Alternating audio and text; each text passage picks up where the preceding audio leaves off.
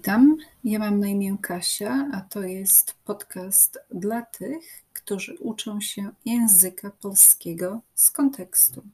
Z okazji końcówki miesiąca języka ojczystego, który trwa od 21 lutego do 21 marca, czyli do jutra, zdecydowałam się nagrać odcinek o pewnym polskim przysłowiu i związaną z nim kulturą pasterzy, jak również o powiedzonku i słowie slangowym, które może Wam się przydać. A miesiąc języka ojczystego jest zainspirowany Międzynarodowym Dniem Języka Ojczystego, który odbywa się 21 lutego i został ustanowiony przez UNESCO w 1999 roku. Ale w Polsce, jak to w Polsce, świętuje się nie dzień, a miesiąc, choć powinno się świętować cały Boży Rok.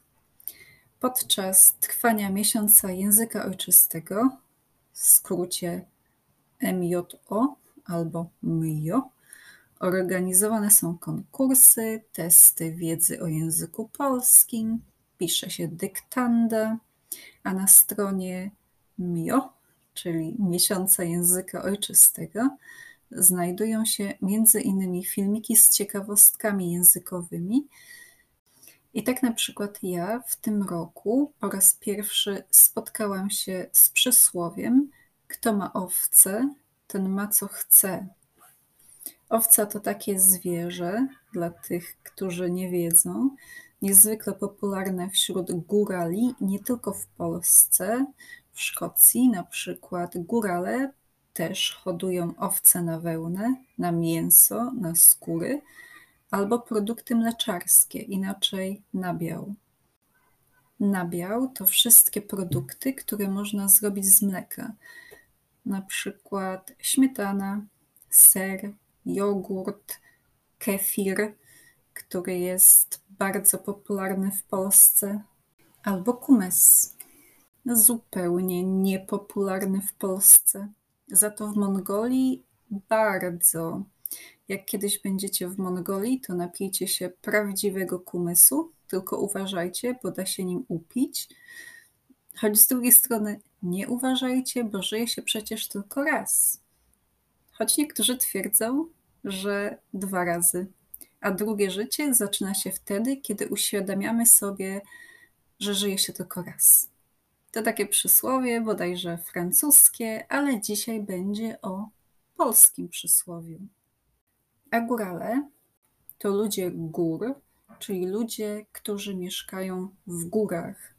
Ja góralem, czy raczej góralką nie jestem, bo nie pochodzę z gór, a z doliny. Wychowałam się w dolinie, chociaż w języku polskim nie ma chyba określenia na ludzi, którzy pochodzą z dolin jest słowo doliniarz, ale ono oznacza kieszonkowca, czyli drobnego złodziejaszka. Złodzieja, który kradnie na przykład portfele z kieszeni. Stąd nazwa kieszonkowiec. A dolina, o ile dobrze się orientuję, a mam cichą nadzieję, że dobrze, bo przynajmniej na to wskazuje logika, to w złodziejskiej profesji kieszeń. Także ja doliniarzem nie jestem, jestem po prostu z doliny. Ale wróćmy do naszego przysłowia ludzi gór, czyli górali. Kto ma owce, ten ma co chce. Przysłowia wywodzą się z mądrości ludowych, a to konkretnie odnosi się oczywiście do mądrości i kultury góralskiej. Od wiosny do jesieni górale, ale nie wszyscy górale, tylko bacowie, czyli owczarze, pasterze, można powiedzieć zawodowi, tacy, którzy zawodowo zajmują się wypasaniem owiec, nie tylko swoich, ale także owiec gospodarzy wiejskich, zabierają je na pastwiska, wypasają i za to otrzymują zapłatę. Można więc powiedzieć, używając dzisiejszego języka marketingowego, czyli języka używanego w marketingu, że bacowie świadczą usługi wypasu owiec. Ciekawa tylko jestem, co by taki jeden z drugim bacą powiedzieli na moją definicję ich sposobu zarobkowania, czyli zarabiania pieniędzy. Pozycja bacy w dzisiejszym świecie, w XXI wieku, jest trochę inna niż kiedyś. Dawno temu bacowie byli bardzo poważani w społeczności góralskiej. Po pierwsze, dlatego, że posiadali mnóstwo owiec, czyli był to majątek na czterech nogach, a z posiadaczami, jak wiadomo, trzeba się liczyć. Oprócz tego, że świadczyli usługi pasterskie, czyli usługi wypasu owiec, to znali się też na zwierzętach, na przykład potrafili je leczyć, a więc posiadali wszechstronne umiejętności. Dziś powiedzielibyśmy, że byli multi-skilled. Ale wtedy, a mówimy tutaj o czasach dawnych, kiedy większość ludności była niepiśmienna, taka wiedza była łączona z magią lub wręcz czarownictwem. Tym bardziej, że wiązała się z obrzędami i niektóre z nich w pewnym sensie są kultywowane do dzisiaj. Ja teraz opowiem tylko o jednym obrzędzie, który nie ma w sobie nic z czarownictwa, a jest to obrzęd poświęcenia owiec, poświęcenia stada owiec przez księdza katolickiego. Odbywa się to rokrocznie i w Polsce święci się na przykład jajka na Wielkanoc. Jajka są symbolem nowego życia, ale święci się też na przykład nowo otwarte budynki. Święcenie to taki obrzęd błogosławieństwa, modlitwy. Można błogosławić rodziny, można błogosławić dzieci lub owce.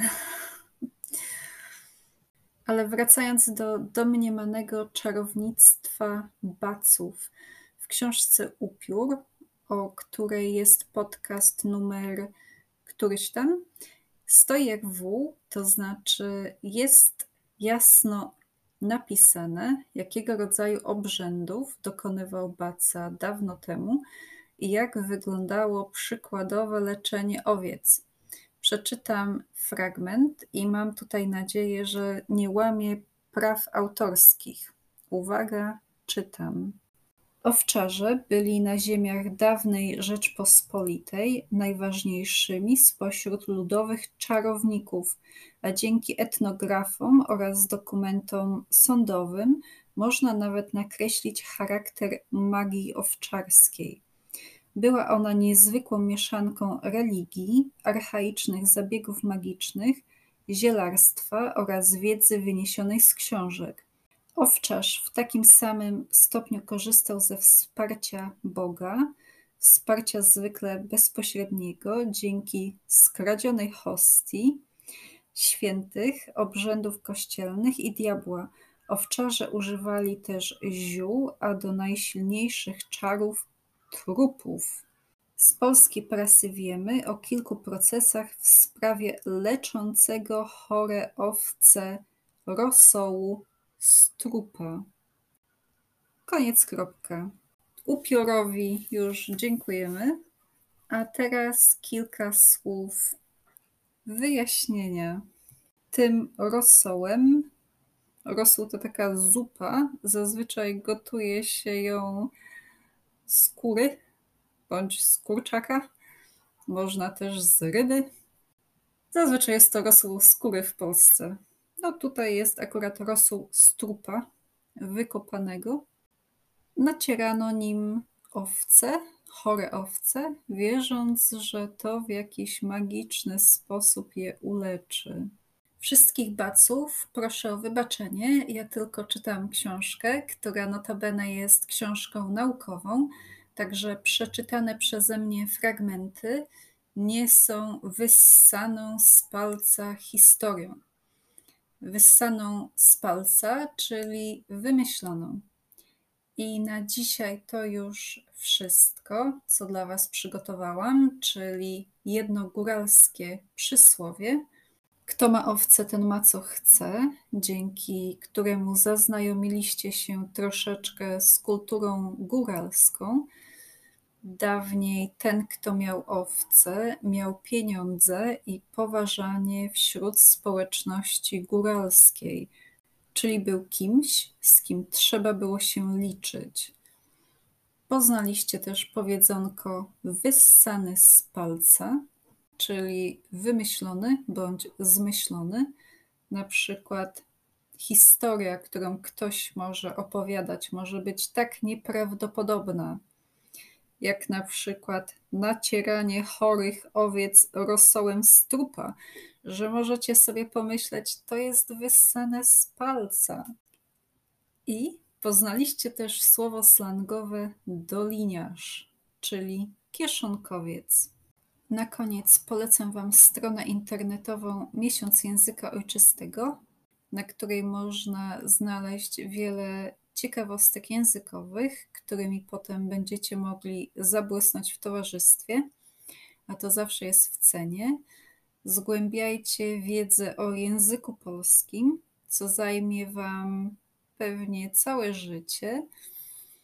Pamiętajcie, że przysłowia, mądrości ludowe czy przesądy, o których zrobię odcinek w następnym tygodniu, są dobrym startem, żeby wejść niejako głębiej w język i przestać uczyć się tylko gramatyki, słówek czy wyrażeń, ale to jest taki sposób, żeby zrozumieć język. A jak mówił Michel Thomas, poliglota i lingwista, który wymyślił nową metodę uczenia się języków, to co rozumiesz, wiesz, a tego, co wiesz, nie zapominasz. Nie wkuwajcie więc słówek, uczcie się z kontekstu, zgłębiajcie język polski poprzez słuchanie, czytanie i oglądanie treści, którymi jesteście zainteresowani, a nauka stanie się dla Was przyjemnością. Thank